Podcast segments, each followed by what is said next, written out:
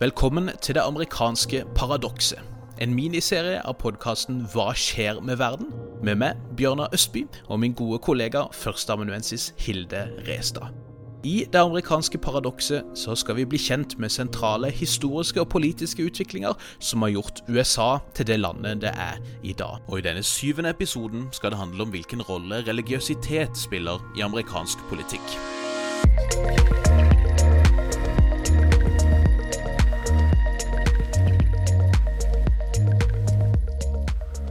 Hei og hjertelig velkommen til en ny episode av miniserien Det amerikanske paradokset, som produseres av podkasten Hva skjer med verden, sammen med førsteamanuensis Hilde Restad. Dette er vår syvende episode allerede, og i dag så skal det handle om religiøsitet i amerikansk politikk, og spesielt hvor stor rolle kristen-konservative har spilt i amerikansk politikk de siste tiårene. Jeg får starte med å ønske hjertelig velkommen nok en gang til eh, Hilde Reistad. Hei, Hilde. God dag fra hjemmekontoret. Her sitter jeg og hoster. Ja, vi sitter på hvert vårt lille hjemmekontor her, eh, så hvis eh, lydkvaliteten er litt dårligere enn normalt, så jeg vet dere hvorfor. Men, men budskapet må ut, content skal leveres, så vi kjører på uavhengig av litt hoste her og der, ikke sant Hilde? Vi sprer det glade budskap, Bjørnar. ja, jeg vet ikke hvor, hvor, glade folk blir etter denne serien, men, men, budskap det er det i hvert fall. Eh, og i dag skal det jo handle om noe veldig spennende, nemlig hvordan religiøsitet har vært med på å forme amerikansk politikk. Egentlig for så vidt fra starten, men, men kanskje spesielt i seinere tid. Og, og, og, spesielt kristne miljøer og kristen konservativt tankegods har jo fått spille en veldig stor rolle i USA, der det har spilt en langt mindre rolle i nyere tid i, i land vi ellers kanskje ville sammenligne USA med i, i Vest-Europa, og for så vidt i Skandinavia for den saks skyld. Så det er interessant tenker jeg, å prøve å, å finne litt ut av liksom, for det første hvilken rolle religion egentlig spiller og har spilt, og kanskje også prøve å reflektere litt hvorfor dette skjer i akkurat USA kontra i andre eh, deler av den vestlige verden, for å si det sånn. Um, og da kan vi jo gjøre som vi alltid gjør, Hilde, kan vi ikke det? Å spole tilbake til starten, gå tilbake til eh, våre venner blant grunnlovsfedrene og spørre hvordan de så for seg eh, USA fra starten, og hvilken rolle man tenkte at religion skulle spille der. Jeg tenkte jeg skulle starte med en sånn pop-quiz til Bjørnar, som jeg av og til liker å gjøre. Oi, oi, oi. Nok et bakholdsangrep her. ja. Eh, tror du at USA ble grunnlagt som et kristent land? Eh, altså, vi, vi, har jo snakka om at de var veldig opptatt av religionsfrihet, i hvert fall. Eh, men kanskje det betyr at de da tenkte at man ikke skulle definere liksom hvilken religion som, skulle, som staten skulle grunnlegges på. Så jeg må si eh, jeg tenker De tenkte religion var viktig, men jeg holder en knapp på at de kanskje tenkte at vi, vi, vi sier ikke åssen type religion vår stat skal hvile på. Ikke sant. Så her er jo kimen til mye av eh, dagens kontrovers i amerikansk mm. politikk, og kimen faktisk til mye av det som rammer inn debatten hver gang man skal nominere en konservativ høyesterettsdommer, som har skjedd ganske okay. ofte de siste årene. Eh, fordi at USA ble grunnlagt uten en føderal statskirke. Yeah. Eh, men, men, det ble jo grunnlagt i hovedsak av eh, kristne, og i hovedsak protestantiske menn. Ok. Mm. Um, så det har vært Det er fortsatt det er en pågående debatt, egentlig, i USA eh, omkring hvor stor rolle skal religion, og da egentlig kristendom, mm. få lov til å spille i det offentlige rom. Nettopp, nettopp. Så for eksempel, sånn, kristenkonservative har vært veldig opptatt av school prayer, å få lov å be skolebønn. Mm. Um, og da USA ble grunnlagt, så var det ikke noe offentlig skolesystem, og det var ikke noe føderal statskirke. Mm. Så det var ikke en tematikk i det hele tatt. Men etter hvert som USA utvikla et skolesystem, så ble det vanlig med protestantisk skolebønn. Mm -hmm. Det førte til problemer for dem som ikke var protestantisk. ja. Eh, så du hadde sånne uheldige katolske skoleelever som ble slått hvis de nekta å delta. Um, okay, såpass. Som, igjen hang sammen med hva betyr det å være amerikaner. For i begynnelsen mm. så var det egentlig bare prot, kanskje protestantene som ble sett på som de ekte amerikanerne. Og det skal vi jo snakke mer om i neste uke. Mm. Hva har egentlig definisjonen eh, vært, hvis du skal opp, oppfylle definisjonen av å være en ekte amerikaner? Um, og etter hvert som USA fikk flere innvandrere, så var det jo sånn at uh, gjerne fattige, gjerne uh, katolikker som kom fra Irland og, og Italia, ikke egentlig passa inn i det bildet av amerikaner som de fleste protestantiske amerikanerne hadde på den tida, og det var bare ekte amerikanere som ba protestantisk skolebønn, ikke sant. Hæ? Og da kan det eh, være på sin plass, ja, å eh, henvise til en veldig viktig eh, høyesterettsdom på 60-tallet, som ikke får like mye oppmerksomhet som Roe v. Wade på 70-tallet, som handla om abort. Men da, det, da måtte Høyesterett avgjøre om det strider imot det første grunnlovstillegg, som jo er det grunnlovstillegget som sier at alle har religionsfrihet, ikke sant? Mm. Om det strider imot det første grunnlovstillegg å pålegge, å pålegge skolebarn å be en kristen skolebønn. Mm. Og i det her, eh, denne avgjørelsen så avgjorde Høyesterett um, at det var faktisk imot um, første grunnlovstillegg uh, å be skolebønn. Det er sånn, mm. Kristen skolebønn ble funnet grunnlovsstridig, for du kan ikke pålegge alle uh, elevene mm. uh, å gjøre det. Og det var fordi at um, det var en, en, avgjørelse som egentlig var ganske naturlig, fordi i 1947, i en veldig viktig avgjørelse, så hadde Høyesterett proklamert at det måtte være en vegg mellom kirke og stat, a wall of separation between church and state. Mm. Uh, that must be kept high and impregnable. Så Høyesterett har hele veien vært klar på at USA er ikke en kristen stat, mm. uh, den ha, og skal ikke ha noen statskirke. Og da kan man ikke ha sånne ting som uh, skolebønn uh, i, off i, offentlige skoler. Nei, nei. Allikevel så tror jeg det er en en oppfatning om at USA ble grunnlagt av kristne, og da særlig protestantiske, grunnleggere. Og det er jo riktig. Ja. eh, ikke sant? Mm. Eh, men de, de, som grunnla USA, var kristen og helst protestantisk. Men de grunnla jo ikke USA som en kristen stat. De, de, bestemte jo at det ikke skulle være noe føderal statskirke, ikke sant. Mm, mm. Men her, det her driver venstresida og høyresida fortsatt å, å, krangle om. Det er ikke noe enighet her. Um, venstresida sier USA ble selvfølgelig grunnlagt som en sekulær stat på grunn av det første grunnlovstillegg. Det kan ikke stå noe klarere mm. enn som så. Mens kristenkonservative sier jo, men man vet jo hvor viktig religion var for grunnlovsfedrene. De var alle kristne USA var åpenbart et land grunnlagt på protestantiske verdier, ja, ja. som tross alt er nært knyttet opp til opplysningstidsidealene, ikke sant? Mm. Hva vet vi egentlig om eh, altså Vet vi noe særlig si, om, om, troslivet til disse grunnlovsfedrene? holdt på å si? Vil de blitt sett for å ha vært nokså mainline liksom, protestanter i sin tid, eller vet vi noe om det? Man blir ikke nødvendigvis så veldig mye klokere, fordi at vi skal huske på, og det er alltid viktig, og det minner jeg alltid om, at det var mange grunnlovsfedre som ikke nødvendigvis var enige om noe som helst, ikke sant, og Grunnloven mm. var et kompromiss. Ja. Eh, ref. episoden om valgsystemet, som var et helt horribelt merkelig kompromiss. Men jeg tror det var mange altså De var jo en interessant gjeng. de her, altså Verken Benjamin Franklin, Thomas Jefferson eller John Adams var kanskje det man ville kategorisert som typisk kristne på den tida. Særlig til at Thomas Jefferson han var vel kjent som mm. en som kanskje var mer Han hadde en mer kanskje filosofisk interesse av religion som et samfunnsfenomen. Han har jo blitt omtalt som en slags sånn deist. da. Han, han, han uh, fikk jo mekka noen sånne egne varianter av, av, Bibelen der han basically fjerna alt av liksom mirakler og overnaturlige hendelser, og, og liksom reduserte det mer til et slags sånn uh, ja, moralsk uh, type hefte, er det, nær sagt. At, at man prøvde å liksom forme Bibelen mer inn i den rådende opplysningstradisjonen. Ja, og så husker du jo, vi har jo referert til det her han ganske opphetede presidentvalget i 1800 da Jefferson stilte mot John Adams, og da ble jo mm. Jefferson anklaga for å være ateist av ja, Adams sine sine følgere. Eh, men, men, det er åpenbart altså, Alle grunnlovsfedrene var sant, en del av den her anglosaksiske kristne kulturarven. Det er åpenbart. Mm.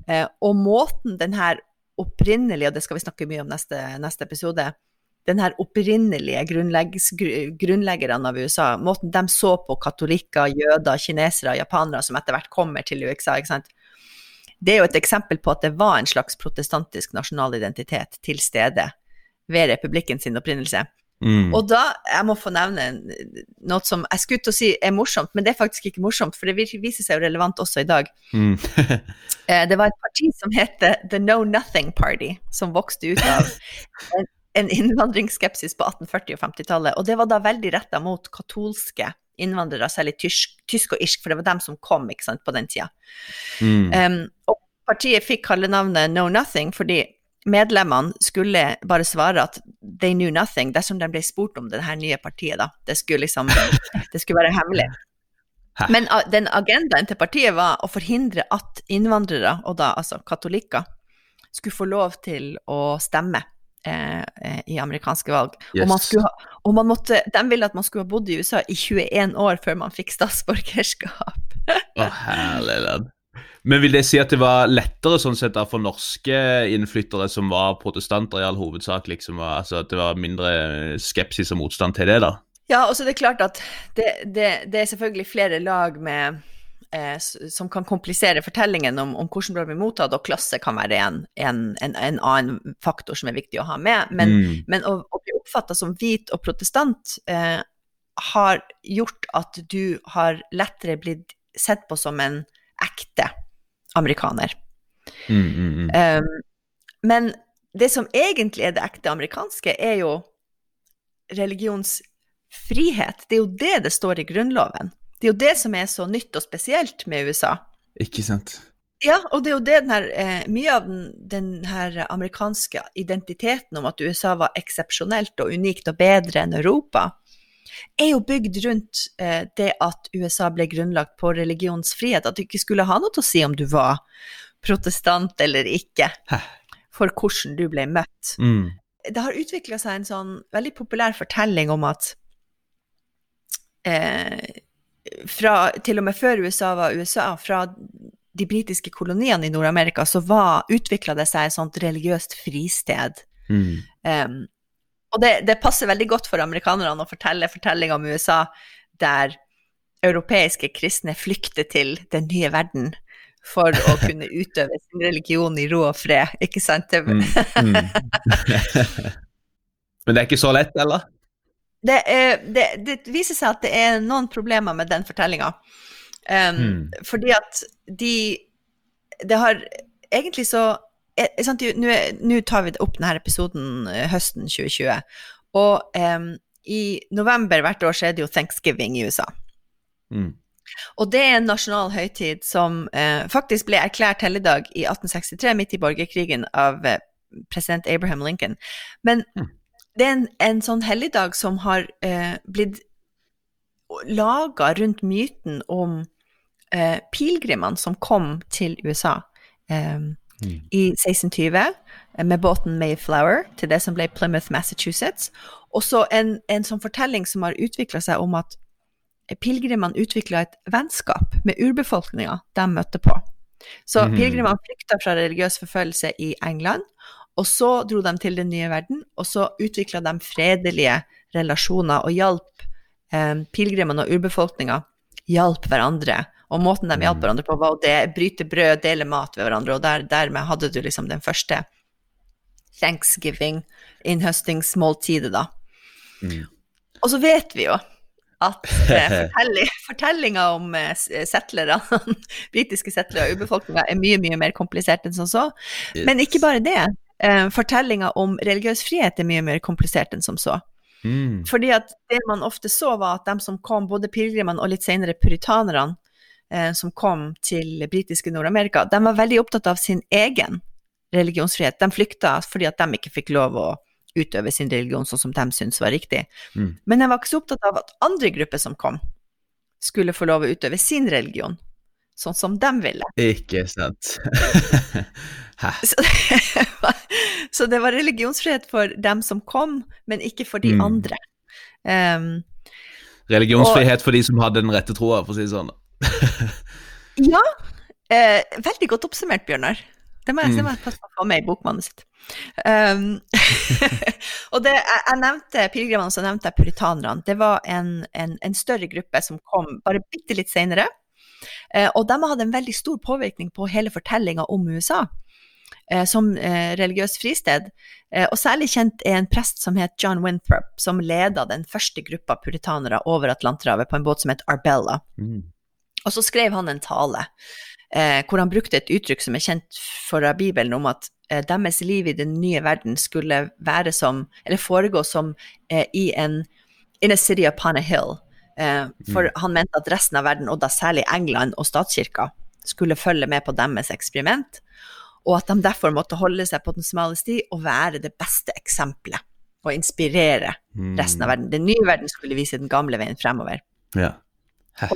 Det her har blitt eh, en kjempeviktig del av moderne amerikansk identitet, Mm. og plukka opp av mange amerikanske presidenter i det 20. århundret som bruker um, puritanerne, John Winthrop, A City Upon a Hill som viktig uh, retoriske grep for å eh, bygge opp om ideen om amerikansk eksepsjonalisme. Mm. Særlig brukte John F. Kennedy og Ronald Reagan versjoner av City on a Hill. Ronald Reagan var veldig glad i å snakke om The Shining City on a Hill.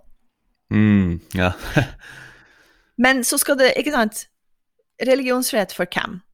Winthrop, the same Winthrop, skal ha sagt etter at kopper spredde seg i urbefolkninga rundt kolonien deres i Massachusetts Bay, at det her var et Guds mirakel. For de var gudløse. ja.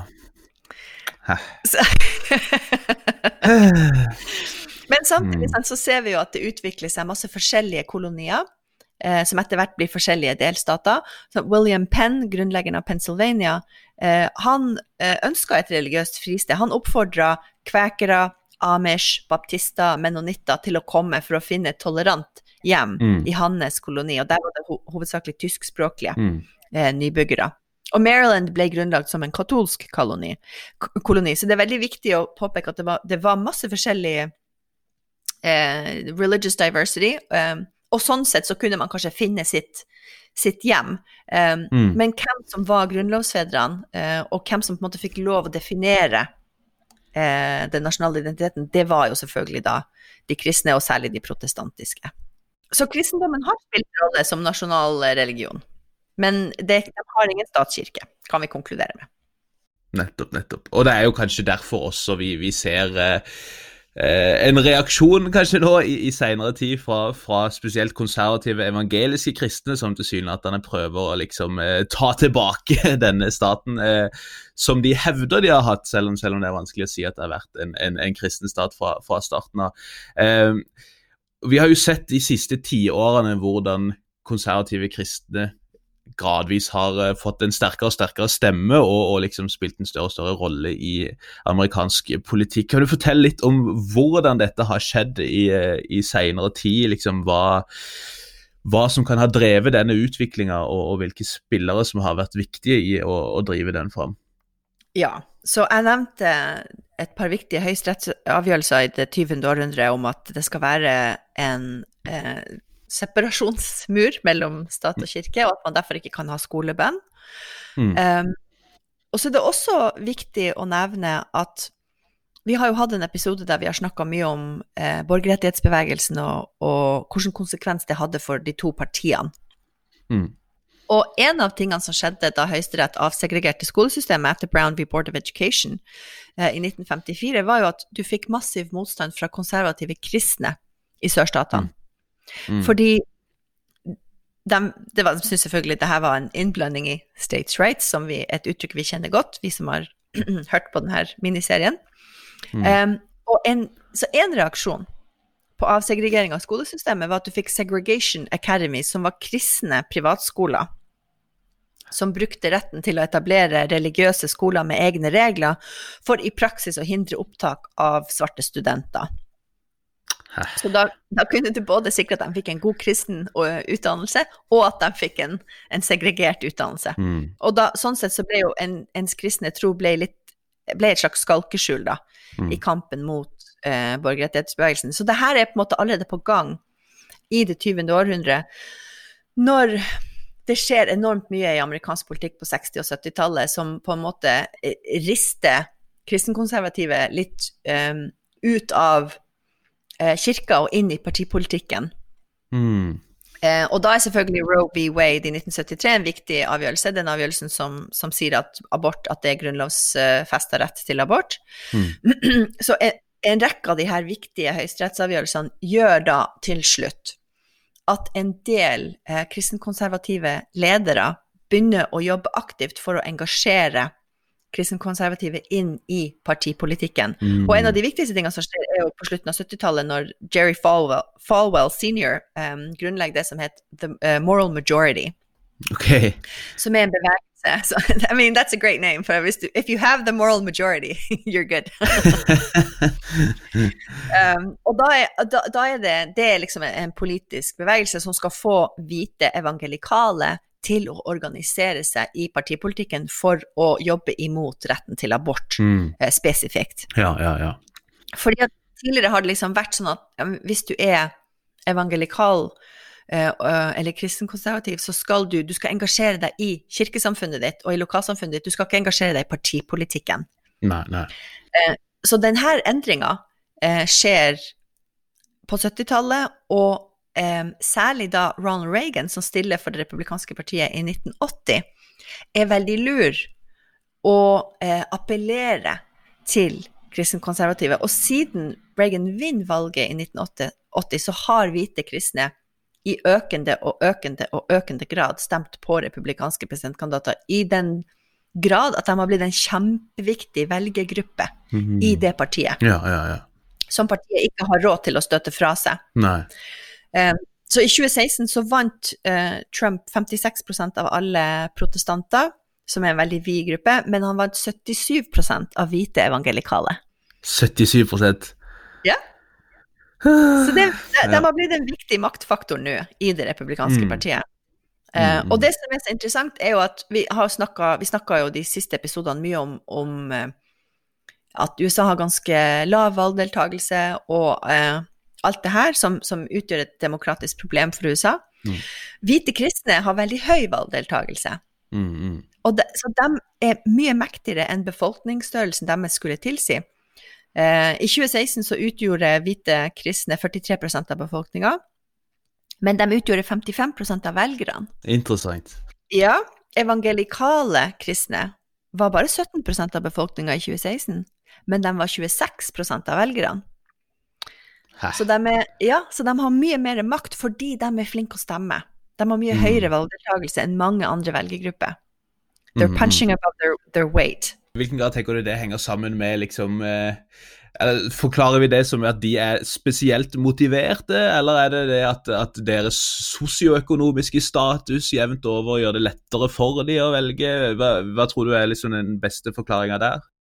Eh, man trenger ikke å være eh, spesielt eh, well off for å, for å være kristenkonservativ i det hele tatt, men de er jo Mm. en del av um, et uh, sosialt miljø som møtes, som organiserer, som mobiliserer, som har nettverk. Um, mm. Så de er på en måte de er naturlig flinke til å organisere og mobilisere, og så blir de veldig motivert da når de har saker Ja. å stemme på. Og det er jo en av grunnene til at det republikanske partiet um, For det første at det utvikla seg en abortion test. Hvis du skulle være hvis du skulle stille som presidentkandidat i det republikanske partiet, så måtte du si at du var mot Roe v. Wade, og at du var mot retten til selvbestemt abort, eller så ville du få hele den der velgergruppa mot deg. Mm. Eh, og for det andre, når man skal nominere konservative dommere til Høyesterett, så tenker man, og det her ser vi at Trump sitter og tenker på akkurat nå, hvordan skal jeg inspirere denne viktige velgergruppa til å møte opp Mm. og stemme på meg i november 2020? Jo, jeg gir dem de her konservative dommerne Ja, ja, eh, som gir ekstra inspirasjon Mm. eh, før, før valgdagen.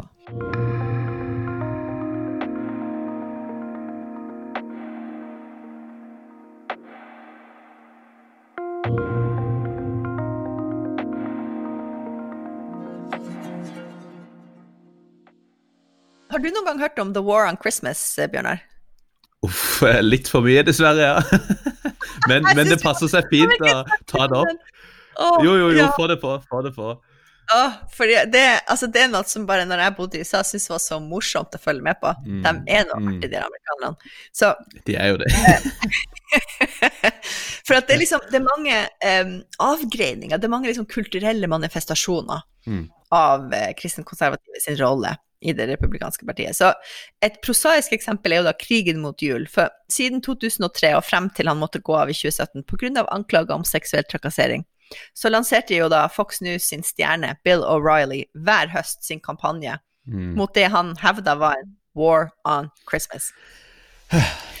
Og det er jo da at mange kristne hevder å føle seg personlig angrepet når noen hilser med 'Happy Holidays' heller enn 'Merry mm. Christmas'. Um, mm. Men sånn strengt tatt, altså Liberale amerikanere mener jo at du Altså, jul er jo ikke noe eh, Det er jo ikke noe offisiell høytid i USA. Mm. Um, man organiserer seg sånn at man tar fri. Um, det er veldig Ikke sant. Det er selvfølgelig det er jo, Alle kristne høytider har mye større aksept i USA for å være høytider mm. enn andre høytider. Men de skal jo i teorien være likestilt, ikke sant. Ja. Uh, men så når når folk da går rundt og sier eh, 'Merry Christmas' til alle de møter, så tenker mange liberale amerikanere at det er på en måte, det blir litt feil. da, For det første så vet du ikke om den personen du møter på gata, er kristen. Mm. Og for det andre så er det jo ikke noe offisiell høytid, og USA har ikke noe statskirke. eh, så Happy Holidays blir mer riktig, sånn at du kan si Happy Holidays til din, din jødiske nabo, eller ja, ikke sant. Mm, mm, um, mens Donald Trump, han sa jo han, Det her har han sagt mange ganger um, ja. i talene sine. We can say Merry Christmas again. Mm. Og så mhm. høres det veldig rart ut sant, for oss, men da er han, da er han inne i den her da, da er han inne i den krigen. Han er en War on Christmas ja. warrior. og hvis han kan krige den krigen, så er kanskje det bedre for oss alle. Men uh, jeg syns jo også det, det, er litt sånn uh, morsomt dette Man sier jo ofte Xmas i stedet for Christmas, ikke sant? Og, og, jeg har sett der også, så er det en del liksom som mener å, de prøver å liksom fjerne Kristus fra, fra kristmessen, holdt på å si, uh, og liksom nøytralisere dette begrepet. Men, men, hvis de hadde gjort litt Det hadde jeg aldri tenkt på, Bjørnar. Jo, jo, jo, jo. Trodde bare det var for å gjøre det enkelt.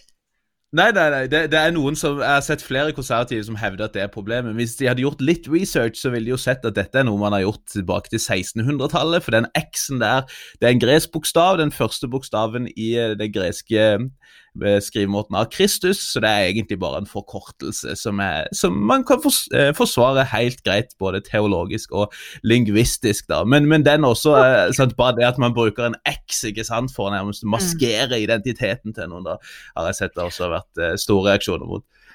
Mm. Og det her går på det vi skal eh, snakke i vår avsluttende episode om neste gang, som handler om eh, den amerikanske identiteten. Mm.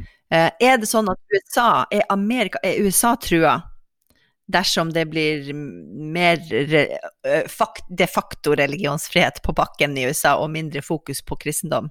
Ikke sant? Mm. Mm. Eller, er det, eller, er det, egentlig USA som lever opp til sitt opprinnelige idé om, om, om faktisk religionsfrihet? Mm. Um, men det, um, det her er jo noe som på en måte er veldig viktig i USA, og amerikanerne føler veldig sterkt, fordi at amerikanerne er jo mye mer religiøse enn det vi er i Europa. Mm. Og det er nok en av de tingene som kanskje særlig sekulære sosialister fra Norge, eh, har litt vanskelig for å ta inn over seg. Og en av de grunnene til at eh, jeg mener at det er veldig vanskelig å forstå amerikansk kultur og historie og samfunn uten å ha tilbrakt ganske mye tid der, for det tar litt tid å det er sånn sosialantropologisk, du må dykke litt inn i en verden som er veldig annerledes enn din egen, og den, den veldig religiøse delen av USA er jo en sånn mm. verden. Mm, mm. Men selv, selv jeg håper å si som verken er sekulær eller sosialist, syns jo det er ganske vanskelig å, å, å, å You're fired!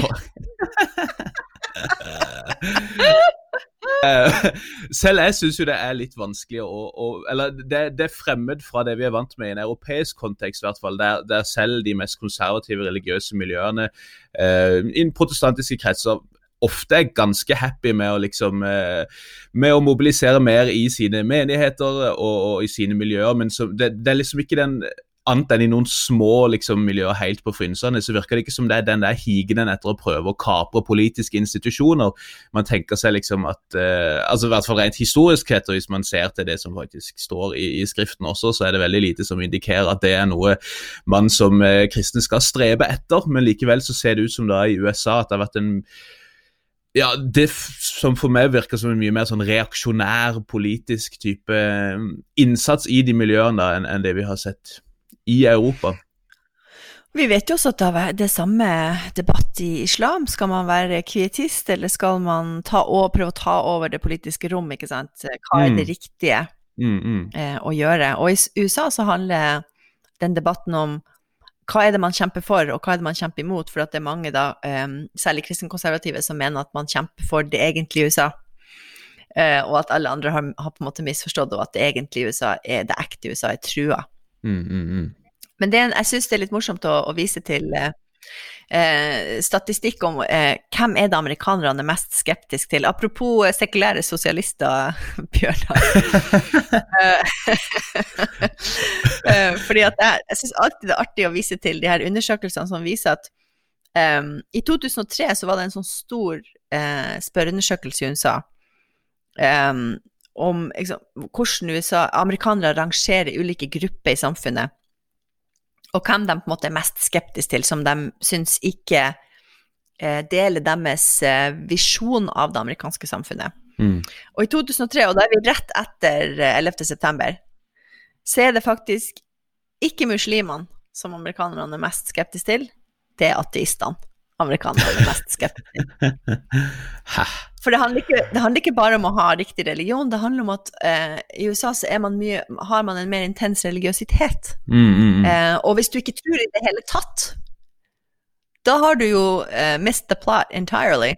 Ja, ikke sant. Eh, og det er også morsomt eh, Man kan gå inn i, på Gallup. Gallup har hatt sånne historiske undersøkelser helt siden 1937 hvor de spør liksom eh, hvem man kunne vurdert å stemme på som presidentkandidat.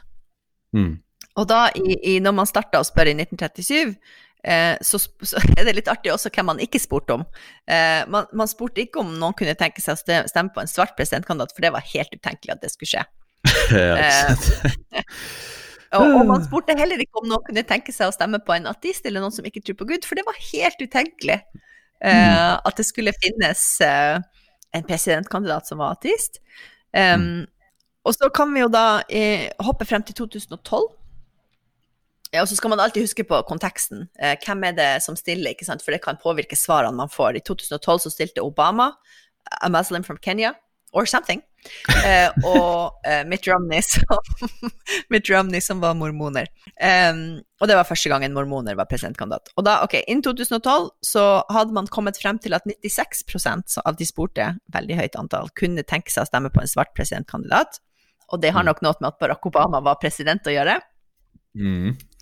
Eh, men, men, man hadde bare kommet eh, fra null 0 til 54% som kunne vurdere å stemme på en ateist. Ja, ikke sant. Nei, og så vidt, så vidt, jeg husker Jeg har sett på noen av disse for noen år siden. Det var liksom ganske høy aksept for utenomekteskapelige affærer. Selv dopmisbruk kunne man leve med, liksom.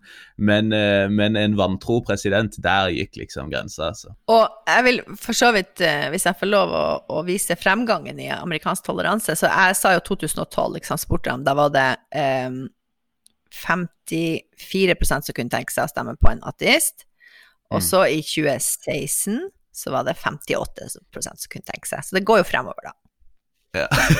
Ever so slightly. oi, oi, oi, oi. Ja. Sånn er det med den saken, Bjørnar. Sånn er det med den saken. Du, jeg lurte på, Kunne vi snakka eh, bitte litt om altså Vi har vært så vidt innom abort som er en sånn type fanesak, og det ser vi jo definitivt nå også i forbindelse med, med potensiell ny høyesterettsdom osv. Eh, men, men eh, Israel det er jo noe som, eh, som typisk er en, en fanesak for, eh, for, de mest konservative kristne miljøene her til lands, men, men, det virker jo som det har vært en ganske sterk tradisjon også i, i USA. Er, er, det liksom, er det en korrekt analyse, håper jeg å si? Er det mye Israel støtte i disse samme mest politisk engasjerte miljøene, eller hvordan, hvordan ser det ut sånn? Ja, så vi skal først huske på at um, I dag så tenker man på eh, støtte til Israel som en sak som kanskje særlig det, det republikanske partiet er opptatt av, eh, og som mm. særlig kristenkonservative er opptatt av. Men det har endra seg ganske mye over tid. fordi at um, opprinnelig så var det nok det demokratiske partiet som var mest Israel-vennlig okay. eh, i amerikansk politikk. Mm. Og det var jo, for det første så var det jo Harry Truman som var altså en demokrat som var president da Israel ble oppretta, og USA Det tok vel elleve minutter for USA anerkjente Israel som stat. eh, og så var det eh, generelt eh, stor sympati blant demokratiske velgere, og også republikanske velgere, for det som ble sett på som et forfulgt folk, ikke sant. Mm. Eh, og det som ble sett på som et nytt liberalt og demokratisk eh, prosjekt i Midtøsten.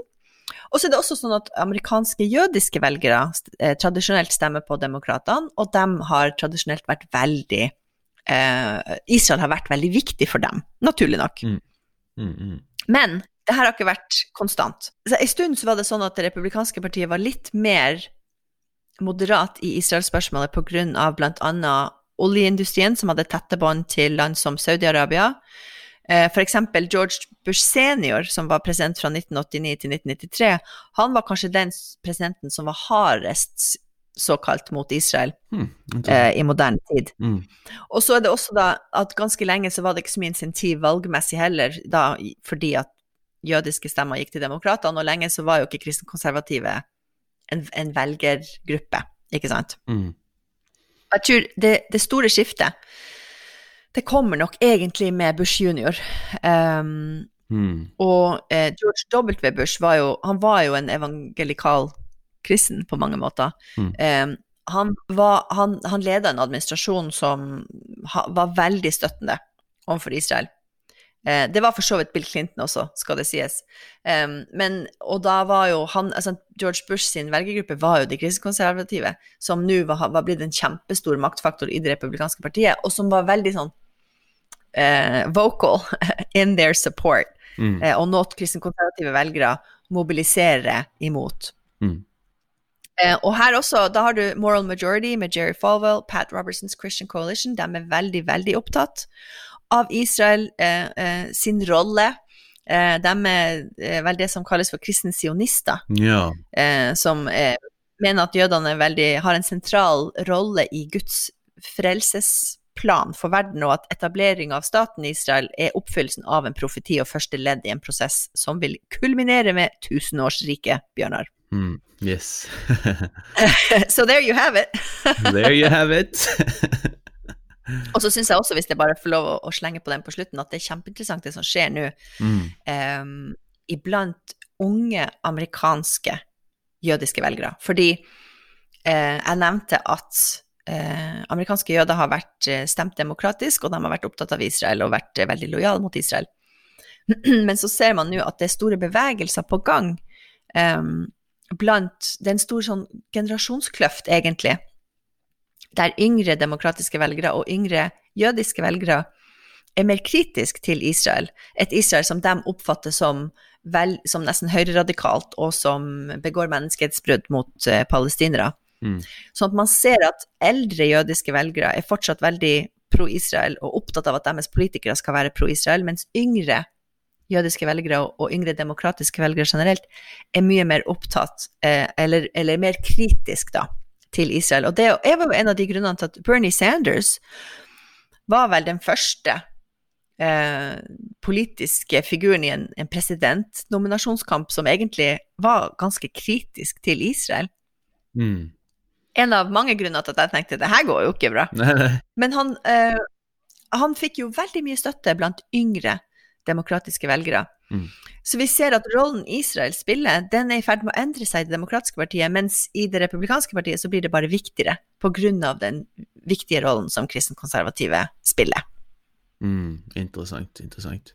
Jeg har jo inntrykk av at også en del kristne er tilbøyelige til å endre sine holdninger vis-à-vis Israel når de oppdager hvem som faktisk er de kristne på de traktene, nemlig palestinerne. Men det ser ikke ut som det er ja, Det så fascinerende. Men, eh, og det, det syns jeg du ser mer og mer av i, eh, i, Norge og i Europa, men det virker ikke som det har nådd gjennom i det hele tatt, i hvert fall i, i USA til, til nå. Og, og det, det, kan være gode grunner til det, for så vidt. Eh, vi spiller jo dette inn høsten 2020. Nå er det vel eh, to uker igjen cirka, til, eh, til valget. Vet, altså, vi har jo sett massiv støtte fra eh, hvite evangeliske velgere til Trump. Var det 77 du sa i 2016? Eh, Antar man at tallene vil være nokså like nå, eller har vi sett noen bevegelser i det siste som tyder på at også liksom, organiserte kristenkonservative kretser ser mer til liksom Never Trump-virksomheten jeg, blant eksrepublikanere? Altså, Trump kan vise til at han nå, når dersom Amy Coney Barrett blir oppnevnt til Høyesterett, at han har oppnevnt tre kristenkonservative dommere mm. eh, til Høyesterett. Og det er jo, en, det er jo kanskje den, en, en, en, slags seier som den delen av det republikanske partiet bare kunne drømt om for noen år siden. Det er en enorm milepæl. Så sånn sett så kan han vise at han har levert det han skulle levere. Mm. Men vi ser i meningsmålingene, sånn som med alle andre velgere, at også kristne velgere er kritiske til måten Trump-administrasjonen har takla covid-19-pandemien på. Mm. Um, så tall, tallene til, til, Altså, Trump gjør det jo ikke så veldig bra i meningsmålingen, um, og det gjelder jo egentlig for alle. Mm. Men, så det, det, vil jo være interessant for de av dere som hører på denne episoden etter valget, så gå nå inn og sjekk hvilken støtte Trump fikk, fikk fra evangelikale kristne eh, og kristenkonservative, og sammenligne med 2016 og se om han økte eller minska, for det er noe jeg kommer til å følge med på. Mm. Veldig, veldig spennende, altså. Jeg vet ikke om du har noe eh, sånn du føler vi bør tilføye helt eh, til slutt, eller om vi har fått dekt eh, de meste av de relevante problemstillingene her? Jeg tenker at vi, vi, skal, for, vi skal fortsette samtalen i neste episode. Mm. Um, hva de egentlige amerikanerne hvem de egentlig er, og hva det egentlig USA egentlig er. Nå var det mye egentlig i den setninga. Uh, men uh, vi kan avslutte med å vise til en tale som justisminister William Barr holdt til jusstudentene ved det katolske universitetet University of Notre Dame. For øvrig det universitetet der Amy Coney Barrett kommer fra. Mm. Og da sa han at amerikanerne sitt demokrati det avhenger av judeo-christian values, og at moderne, sekulære amerikanere de avviser moral. Og det er grunnen, sa Barr, til at det går dårlig i USA. For det er ikke nok kristenkonservative som opprettholder den moralske orden. Hmm. There you have it. There you have it.